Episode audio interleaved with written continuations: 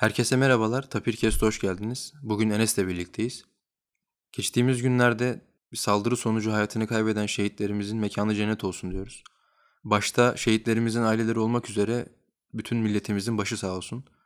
Umuyoruz bundan sonra böyle kötü haberler, can yakıcı haberler almayız. Tek temennimiz bu. Kimsenin ocağına ateş düşsün istemiyoruz. Gördük görüntüleri de. İşte insanlar cenazelere katılmışlardı. Bundan sonra bu görüntülerin yaşanmamasını istiyoruz. Umuyoruz bundan sonra bu tarz kötü olayları yaşamayız. Yeniden bütün milletimizin başta aileler olmak üzere başı sağ olsun. Şehitlerimizin de mekanı cennet olsun. Bugün öncelikle aslında uzun zamandır yürütülmekte olan fakat bizim yeni haberdar olduğumuz bir projeden bahsedeceğiz. Daha sonra konunun gidişatına göre podcast'imizi yönlendireceğiz. Kaydın sonlarına doğru birkaç duyurumuzu yaptıktan sonra da bugünlük podcast'imizi noktalayacağız. Enes istersen Juno adlı uzay aracının NASA tarafından gönderilmiş olan uzay aracının 2011'den beri başladığı görevinden biraz bahsedelim. Ee, ben de söze başlamadan önce tekrardan bütün milletimizin ve şehit ailelerine başsağlığı diliyorum. Senin de söylediğin gibi e, Juno adlı bir uzay aracı 2011 senesinde yörüngeye yerleştiriliyor. Aslında Juno projesi de deniyor. E, Jüpiter'in fotoğrafları alınıyor bu araç sayesinde. Haberi çekici yapan şey ise e, bu fotoğrafların insanlarla paylaşılarak insanların kendi görüntü işleme algoritmalarını hmm.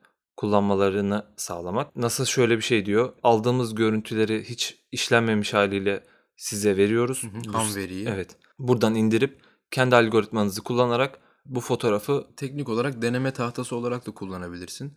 Ama e, iyi işler çıkartırsan NASA'ya tekrar bunu geri de gönderebilirsin. Evet, yükleme butonu var zaten. Yaptığın işlem sonrasında e, NASA'ya tekrar bu fotoğrafı geri gönderiyorsun. NASA'da topladığı fotoğrafları kendi algoritmasına sokarak daha iyi bir görüntü elde etmeye çalışıyorlar. Aslında yaptıkları tek şey bu değil. Yani bu projeye başladık başlama amaçları bu değil. Amatör olarak uzay fotoğrafları çeken insanların da e, NASA'ya fotoğraf göndermelerini istiyorlar. Jüpiter'in fotoğraflarını ki daha çok veri olsun ellerinde. Yorumlanmış veriyi istiyorlar aslında. Hı hı. Yorumlanmış evet. veriyi yorumlamaya çalışıyorlar evet. anladığım kadarıyla. Hı hı. Yorumlanmış verinin fazla olması da sanırım kendi algoritmaları eğer yapay zeka tabanlı çalışıyorsa onun eğitim içinde çok güzel olacaktır hı hı. diye düşünüyorum ama e, bir ön filtre vardır yani başarısız fotoğraflar. Yani hı hı. mesela birisi gidip hiçbir şeyi barındırmayan bir fotoğraf da yükleyebilir. Ha. E, bir ön süzgeçten geçtikten tabii, sonra tabii. tamamen eğitim amaçlı kullanabileceğini hı hı. düşünüyorum. Hı hı. Ya da e, yorumlama farkını da belki göz önüne çıkaracak insanlar da olabilir. Hı hı. Onları da görmek için yapmış olabilirler diye düşünüyorum. Evet. Aslında bu işlerle hobi olarak uğraşan insanların da e, içerik dışında kalmaması için yani işte bu işlerin dışında kalmaması için bildiğimiz birkaç uzay merkezi veya e, uydu da dünyaya verileri şifrelemeden gönderiyor. Hı hı. Sırf insanlar dünyada bulundukları yerden gönderilen veriyi işleyip hı hı. üzerinde oynama yapabilsin veya geri tepki mekanizmasıyla sisteme tekrar bilgi sağlanmasını sağlayabilmek adına böyle olduğu söyleniyor. E, bunun en bize yakın örneği de NOAA uydusundan bir görüntü almıştık. O da tamamen şifrelemeden gönderiyordu. Evet. Gönderilen görüntünün bir sırası var, oryantasyonu var. Hı. Bunu sizinle paylaşıyorlar internette. APT dedikleri yani otomatik görüntü aktarımı metoduyla dünyaya veriyi gönderiyorlar. Buradan da gönderilen elektromanyetik dalgaların alınabileceği bir anteni tasarladığınız andan itibaren gönderilmiş sinyalleri alabiliyorsunuz burada. Hı hı. Kendiniz çözümleyebiliyorsunuz tamamen şifrelemeden. Bir örneğini de ISS'te de görmüştük. Hı. Onlar da bazen hatta e, ISS'te konuşan bir yaşlı birisinin videosu da var. O da bir amatör radyocuydu diye sanırım. Evet ben de öyle hatırlıyorum. Kendisi o, o işlerle uğraşıyordu. ISS de özellikle daha özel günlerde insanların da çünkü bütün veriyi şifrelemeden göndermiyor Hı-hı. ISS. Evet, bazı... Sadece belirli günlerde e, işte ISS'in bir uzaya çıktığı günlerde Hı-hı. bir de sanırım oradaki astronotların doğum günleriydi diye hatırlıyorum. Birkaç gün daha olabilir yanlış söylemeyeyim. E, bu tarz günlerde dünyaya gönderdikleri işaretlerin şifrelenmeden gönderilmesini sağlıyorlar. Bu da tabii ki bu işlerle amatör olarak uğraşan insanların faydalanmasını, mutlu olmalarını, yani. bizde çünkü öyle evet. olmuştu, e, sağlıyordur diye düşünüyorum. Bu aslında açık kaynak mantığının çok yakınından geçiyor yani. Bir şeyleri gizlemiyorsunuz, paylaşıyorsunuz ve bunu yapmak isteyen insanlar tıpkı girip GitHub'tan, GitLab'ten birisinin kodunu indirip çalıştırmak gibi kendi Hı-hı. bilgisayarınızda. Burada da biraz daha farklı ama sonuçta şifrelenmeyen, gizlenmeyen birkaç şey var. Ama e, özellikle gizlenen şeyler de var. Yani askeri uydular tamamen şifrelerek gönderiyor ve çoğu zaman bilgiye sahip olamıyorsunuz evet. ne yapıp ne ettiği hakkında.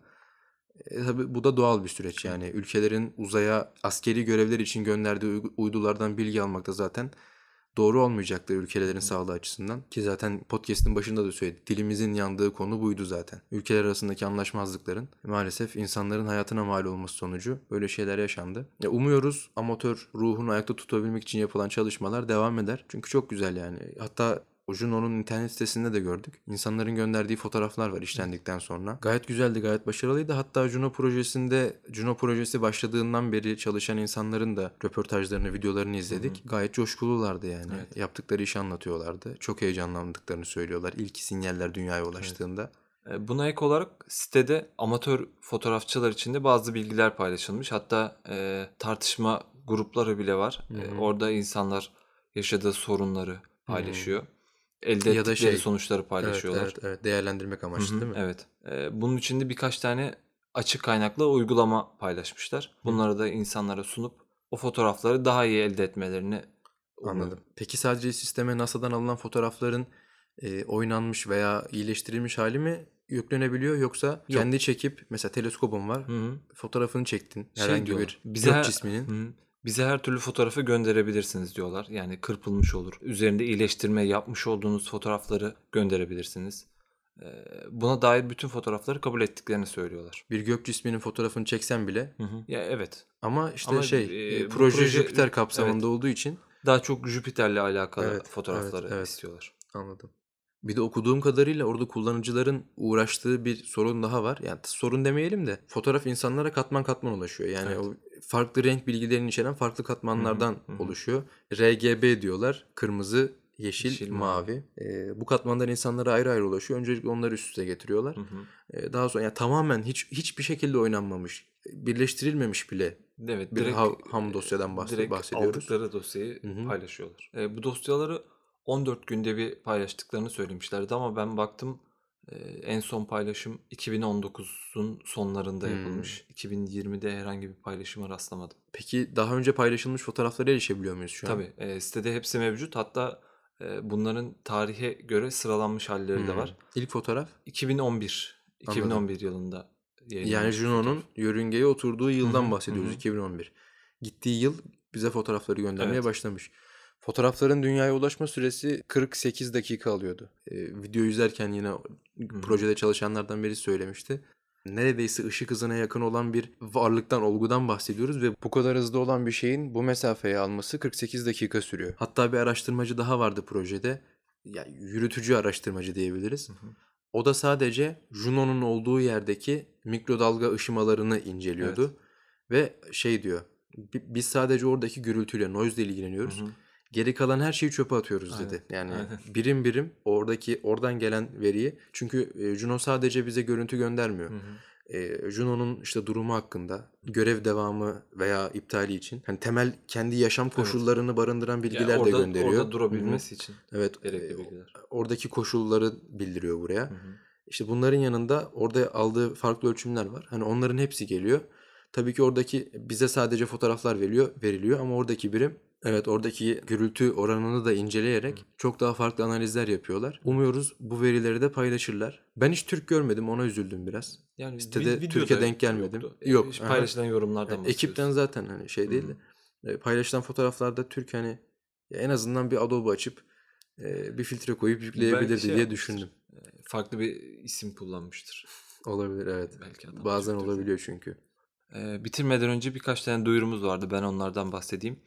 E, yakın zamanda İstanbul Üniversitesi Cerrahpaşa Mühendislik Fakültesi Dekan Yardımcısı e, Muhammed Ali Aydın Hoca ile İstek projesi, nesnelerin interneti ve siber güvenlik hakkında bir söyleşi yapmıştık. Evet, İstek projesi de zaten Muhammed Ali Aydın Hoca tarafından yürütülüyor. Evet. Onun hakkında bir podcast'imiz gelecek yakın Hı hı. zamanda ve Bir de IEEE Türkiye Mesleki Gelişim ve Eğitim Aktiviteleri Koordinatörü olan Seren hocamızla da e, birkaç bölüm çektik. Onların da yakın Hı hı. zamanda yayınlanacağını düşünüyoruz. Bir de e, ek olarak Cengiz Hoca ile çektiğimiz bölüm vardı. Hı hı. Onu da söyleyelim istersen. Ee, Cengiz Hoca'yı zaten önce önceden de ağırlamıştık.